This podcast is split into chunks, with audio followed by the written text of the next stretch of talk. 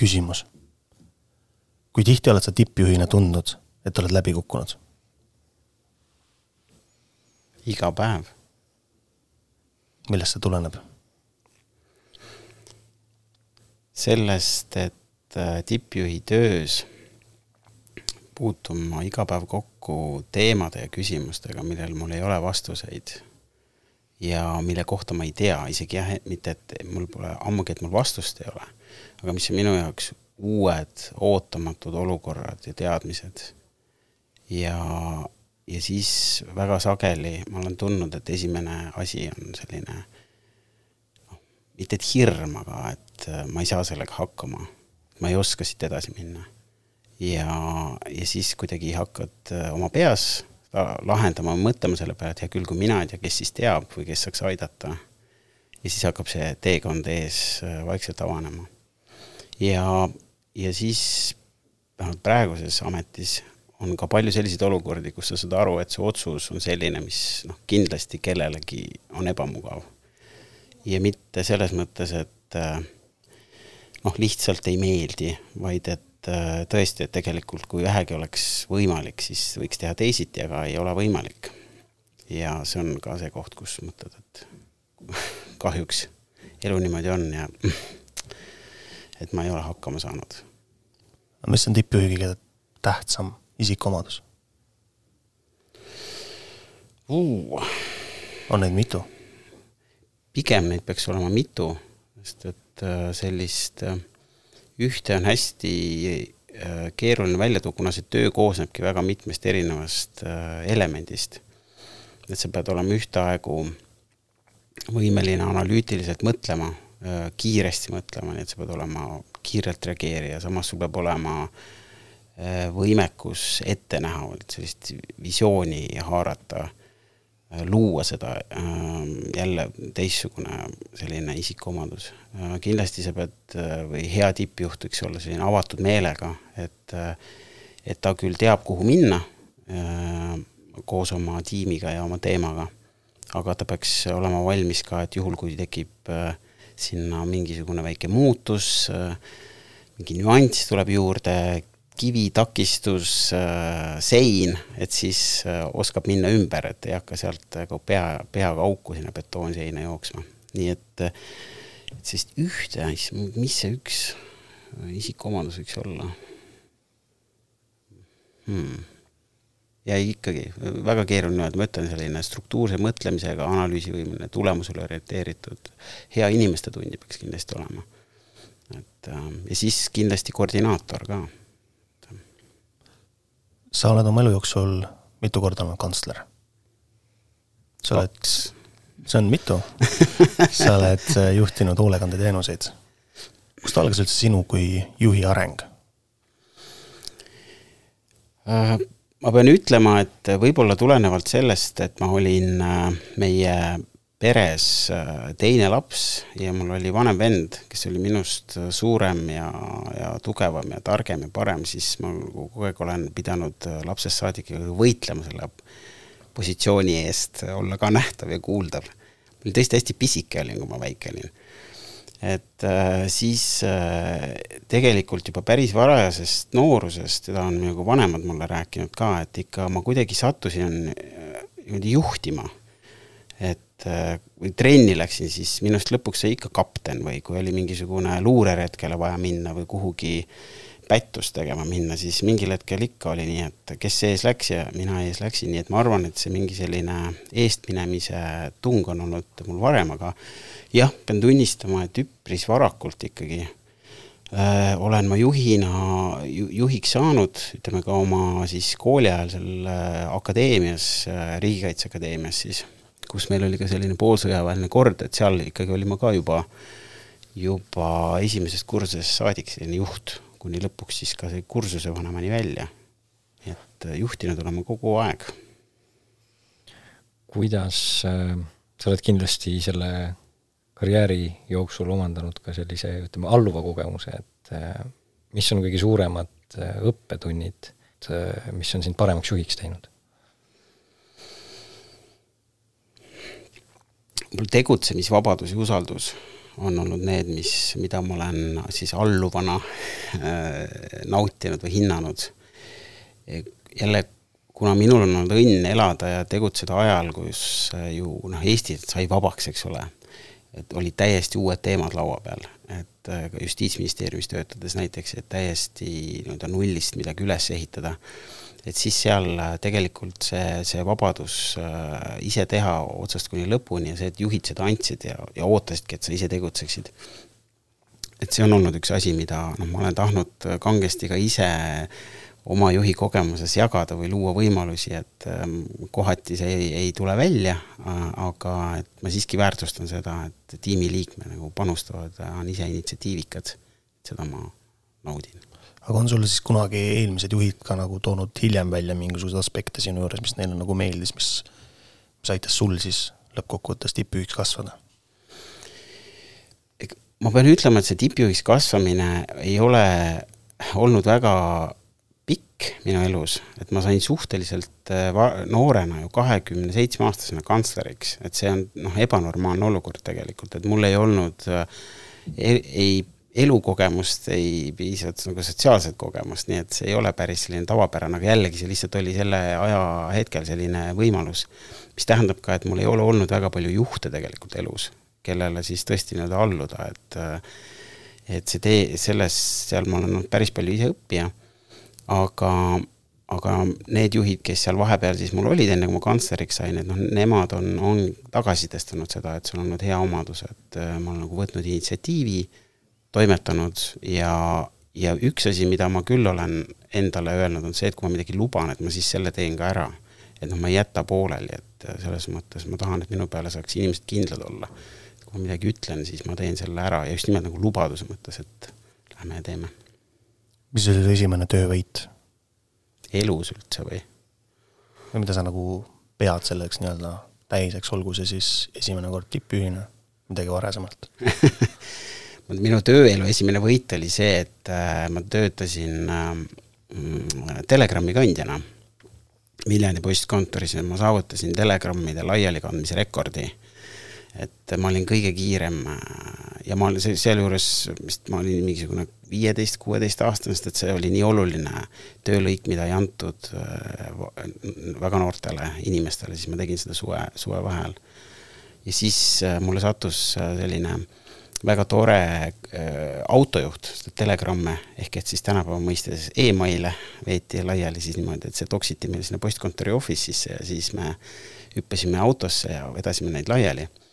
ja sattus selline tore autojuht, kes oli valmis minuga selle linnaretke niimoodi kaasa tegema, et me panime logistika paika, et kuhu, mis aadressil me kõigepealt läheme, et me saaks neid telegramme hästi palju laiali kanda.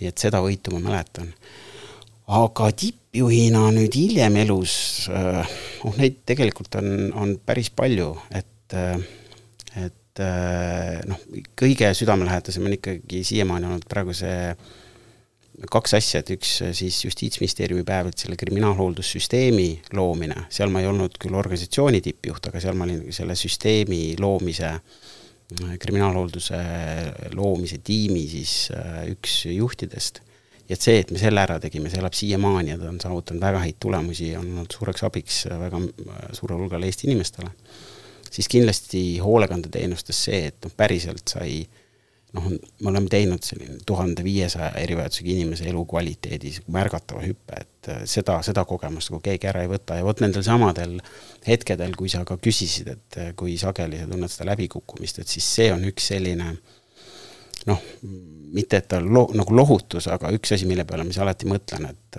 et mul, me, ma tegelikult olen saanud sellise kogemuse ja, ja see näitab, et ma midagi olen väärt ja ma saan hakkama ja see on nagu andnud tuge. sa näed kõrvalt suhteliselt palju tippjuhte. siis mida teevad juhid õigesti, sinu hinnangul?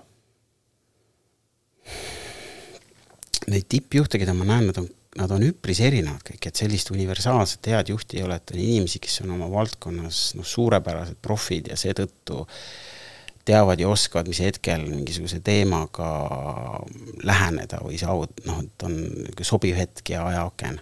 et selles suhtes tippjuht kui oma ala professionaal, siis on tippjuhid, kes on suurepärased inimeste tundjad, et nad oskavad valida tiimidesse õigeid inimesi, kes äh, teevad noh, nii-öelda õiget tööd ja saavutavad õige tulemuse, eks ole, et nad oskavad seda tiimi nagu orkestreerida. no see on inimesi, kes on suurepärased suhtlejad, tippjuhid kui suurepärased suhtlejad, kes jälle oma sellise võrgustiku kaudu ja sellise suhtlemisoskuse kaudu saavutavad väga palju. nii et jälle tegelikult see on nii mitmekesine maailm, et ja selle eeldus on siis, et kui sa valid õigeid inimesi enda ümber, on siis usaldus. kuidas tekib usaldus? Kuidas seda hoida? vot see usaldus, äh, võib-olla tõesti siis see peamine märksõna on seal olnud see, et nad äh, leiavad äh, õiged inimesed tiimi, aga see, see nüüd omakorda tugineb sellele, et sa saad aru, mis tööd on vaja teha.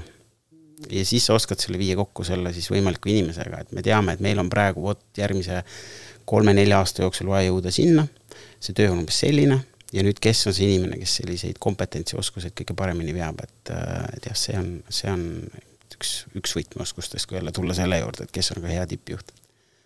kes on halb tippjuht? see selline, kes nagu absoluutselt ei inspireeri, et äh, noh, niisugune mõttetu inimene. kas sa näed neid palju mõnda ikka olen kohanud, jah.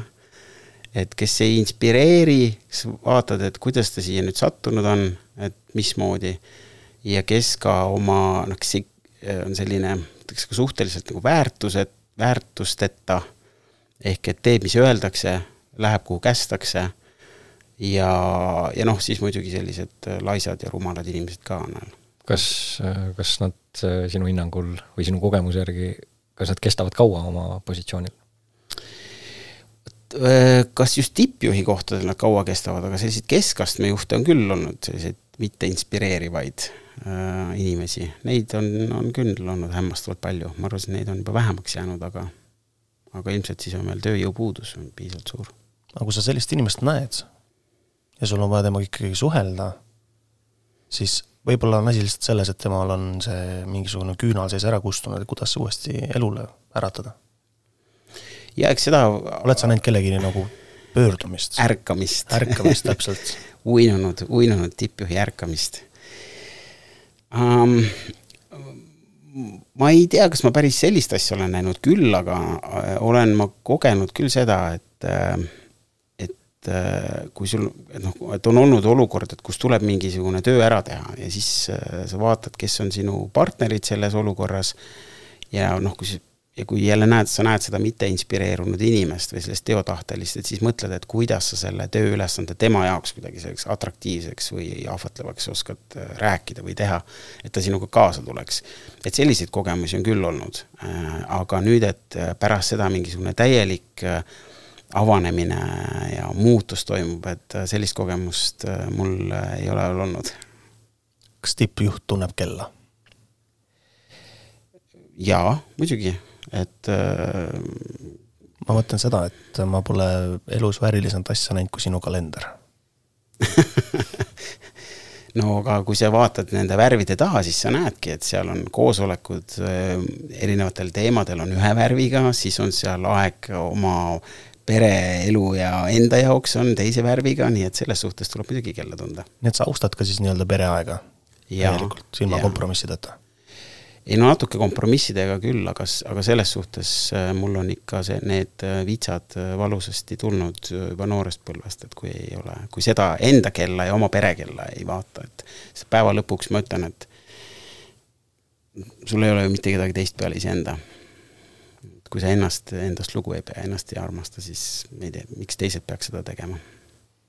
aga tihtipeale ju ka keskastme juhid, tippjuhid töötavad väljaspool normaalseid tunde, sa saad meile kell üheksa, kümme, üksteist õhtul. miks see nii on vot see on nüüd see koht, kus mina alati räägin sellest, et äh, töö tegemise aja ja koha paindlikkus on see, et äh, mida me peaksime minu arvates rohkem respekteerima, et on inimesi, kelle, kes äh, ei ei taha või ei oska töötada või see ei ole nendele kohane töötada sellistel normaalsetel või tavapärastel välja kujunenud äh, kaheksast kuni viieni tundidel. selle kohta on ka erinevaid raamatuid kirjutanud, et tegelikult see ongi sellise ikkagi industriaalrevolutsiooni ajast jäänud äh, selline aja, ajaaken harjumus meile sisse. et mina väärtustan seda, et inimene saaks töötada siis, kui talle see kõige meelepärasem on ja sellepärast ma ka ise oma kolleegidega olen sellest ühe esimese asjana rääkinud, et minule meeldib õhtuti ja hiljem töötada, mul on see rütm paigas, ma hommikul võib-olla olen kauem, teen lõunal, tegelen pere, koeraga, käin kus iganes ja siis õhtul tegelen. et, et me tekitaksime sellised ühiselt arusaadavad ajatsoonid et ma tean seda, et minu kolleeg ärkab näiteks hommikul ja tahab kell viis magama minna, et siis kõik need asjad, mis mul on vaja temaga ära klaarida, siis ma teengi selles ajavahemikus. ta ei pea vastama minu kirjadele kell üksteist, ta ei pea neid lugema, mitte midagi, eks, see, kui keegi hakkab vastu kirjutama, noh, hea küll, las ta teeb seda aga et just see aja, tööaja paindlikkus on see, mida ma tahaksin, et rohkem meil juurduks ja et siis me lepime kokku need ühised ajatsoonid, nii et äh, kindlasti, kui sulle tuleb oma kolleegilt või tippjuhilt kell üksteist kiri, siis äh, võidki tema käest järgmine kord küsida, et kas see nüüd oli sinu tööaeg või sa oled midagi sassi ajanud või igal juhul teha see nii-öelda selgeks, see ajatsoon, et kas, et ei oleks mingisuguseid eriarvamusi. kuidas sulle siis uute juhtide selline pealekasv äh, tundub, et millist tulevikku me võime nendelt oodata? ma arvan, et töö mõiste või töö tegemise, jah, töö mõiste, siis töö tegemise mõiste muutub päris palju, palju rohkem tuleb sisse sellist mm, mitmekesisust töötamise viiside osas, ehk et uued juhid äh, peaksid palju rohkem oskama juhtida selliseid paindlikke mitmekesiseid tiime et ja mäled- ja isegi praegu ma tunnen, et see on palju raskem, kui noh, nii-öelda vanasti oli juhtida, kus sul inimesed tulid, olid kõik ühes majas koos, sul oli vaja midagi rääkida, sa läksid kohale või kutsuti, kutsusid enda juurde, eks ole. nüüd sa pead arvestama sellega, et keegi on kuskil Põlvamaa metsas, keegi on sul siin kontoris, on ju, temal on seal linnulaul, sellel inimesel siin, sul on mingi jääkülm ja siis sa pead talle katsuma sama nagu ülesande püstitada, et see nõuab sellist äh, oskust kohaneda, mõelda mitmekesisemalt, nii et ma arvan, see on tulevikujuhtide suur oskus ja samuti ka nende töösuhete lühiajalisus, ma arvan, see muutub. et ei ole enam niimoodi, et me tunnustame siin kahekümne aastaste staažiga töötajaid, vaid et ikkagi selline kaks, kaks-kolm aastat, ma arvan, saab olema päris juba pikk tööaeg ehk et sa pead õppima ka selles mõttes teistmoodi inimesi juhtima, et püstitame ülesande, ja kui see tulemus on käes, siis olema rõõmus selle üle ja ka inimest seda, sedamoodi nagu juhtima ja tema kompetentsi arendama, et sellist, sellist vaadet tuleb palju rohkem juurde. kas selline lühiajalisus äh, siis töösuhetes, kas see on pigem hea või halb? kõik on suhteline, et mõnes töös on see kindlasti halb, mõnes töös on see jällegi väga hea et jälle see sõltub hästi palju organisatsioonist, ütleme Sotsiaalministeeriumis ilmselt see oleks äh, väga keeruline olukord, kui kõik töötaksid väga lühidalt. samas on siin, ma arvan, rida projekte, kus äh,, rida teemasid, kus ei ole üldse probleem, kui inimesed tulevad ja siis ka liiguvad edasi. ja noh, hoiavad selles mõttes sellist värskust. et äh, just siin tulekski vaadata, probleem on see, on see siis, kui sa ise oled mõelnud, et see ülesanne on sinu arvates viis aastat, aga inimesed lähevad ära juba poole aasta pealt või aasta pealt. kuidas vältida seda, et sa ühel töökohal mandud? et sul ikka veel on lennukad ideed et oma organisatsiooni või ettevõtjat edasi arendada? minu arvates aitavad kaks asja. esiteks, sa teed tööd, mis sind huvitab.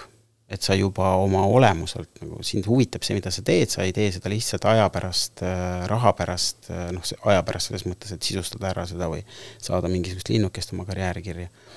ja, ja teine on, mis muidugi tõukub natukene eelmisest, on ikkagi see, et see peab olema sinu töörutiin, et mitte keegi ei tule sulle ette lugema mingit tarka raamatut või avama sulle selle valdkonna ajakirja, sa pead seda ise tegema, et see kuulubki sinu sellistesse hügieeni põhimõttesse. et nii lihtne see ongi, et kui sa oma tööd armastad, siis sa oled sellest huvitatud, sa teed seda automaatiliselt, kui sa, kui see töö on sinu jaoks tore, aga siis sa pead ikkagi teadma, et sa pead tegelema sellega, et oleksid uued ideed. Ja muidugi sinna juurde ka suhtlemine, et äh, võrgustik kes sind inspireerib?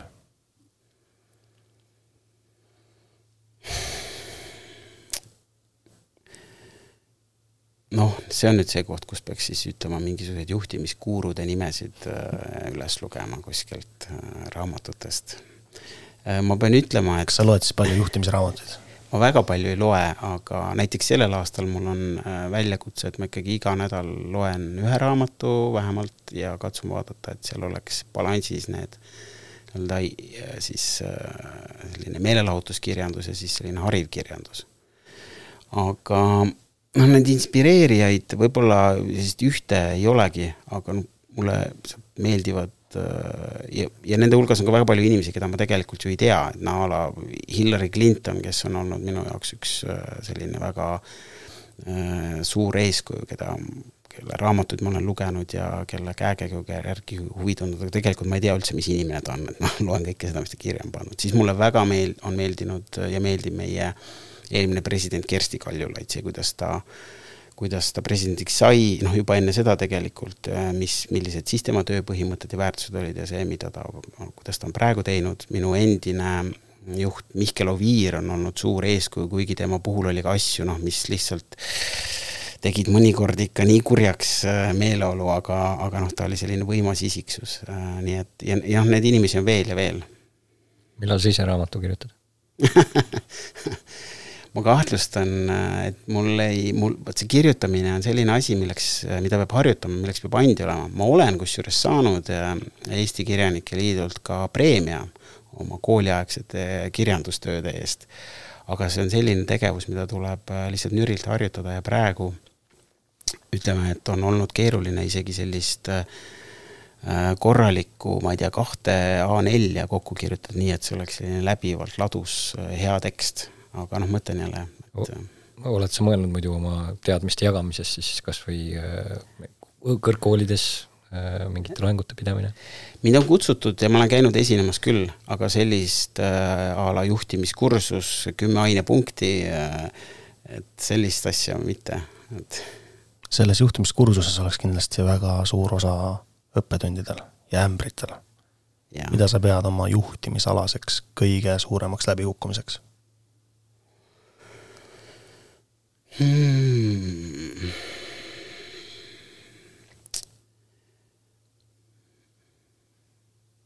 keeruline öelda. ütleme, siin on äh, siis võib-olla kaks teemat. et see ei ole ilmselt läbikukkumine, aga, aga oma eelmisest tööst tulenevalt, ütleme, olukorrad, kus äh, äh, kliendi elu või tervis oli ohus. et, et ütleme, noh, see on kindlasti ei ole, ei ole selline meelelahutuse teema, aga ka jälle tippjuhina elada üle seda, et sinu kliendid näiteks saavad surma. et nendega juhtub midagi, nad tapavad ennast ära. et see on äh, ikkagi kogemus, mis noh, jah, eks ta vajabki ka nõustamisabi aga nagu selle läbielamine, selle mõtestamine, et mida sina tegid või jätsid tegemata, mis juhtus või ka näit-, tegelikult ju näiteks seesama siin viimasel ajal äh, eetris olnud teema, mis puudutas, eks ole, lillekodu, et kogu see kogemus. et need on sellised äh, väga valusad asjad, mille peale ikkagi peab mõtlema, et äh, kuidas teha nii, et need enam ei juhtuks. nii et ma ei nimetaks seda ämbriks, aga need on juhi jaoks väga rasked kohad aga, aga võib-olla juhi eksimustena, noh, kui me võtame nüüd viimasest ametist, äh, siis äh, kindlasti see, kuidas nii-öelda sai, kuidas ma launch isin siis seda riigireformi äh, ideed, eks ole, esimesel koosolekul kohe, mis tekitas lihtsalt, et riigireform on Äh,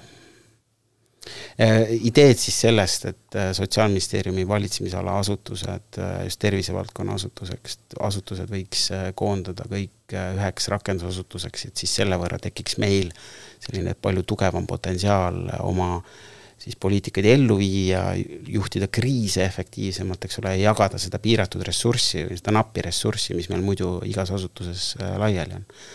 et selle nii-öelda ühi-, ühinemise projekti idee lansseerimine läks äh, rappa. mis on sul praegusel hetkel juhina kõige suurem väljakutse? ma tunnen õudset puudust sellest, et, äh, et ma ei saa lugeda piis-, et mul ei ole piisavalt aega lugeda materjale läbi ja neid äh, läbi mõelda, et ma pean päris palju ikkagi hoo pealt asju tegema. et tahaks õudselt seda spetsialisti aega, et äh, võtadki kas mingisuguse väljatöötamiskavatsuse, ma ei tea, või kas või Riigikontrolli tehtud aruande loed selle kaanest kaaneni läbi, paned juurde siin oma mõned materjalid, mõtled, kutsud kolleegi juurde, räägid temaga, et äh, sellest ajast on kõige rohkem puudu, ehk et selline kogu aeg on tunne, et noh, pealiskaudse on, et sa oled pealiskaudne. kas Eesti on valmis? Eesti ei saa kunagi valmis. Ega me ei ole mingi sumbunud väikeriik, mis äh, lihtsalt kinni kasvab, et vastupidi, et äh, Eesti on kogu aeg arengus ja tuleb vaadata, et, äh, et see areng oleks selline, kus ma ütlengi, et hääli võib-olla oleks nagu mitmesuguseid, aga et oleks ikka positiivne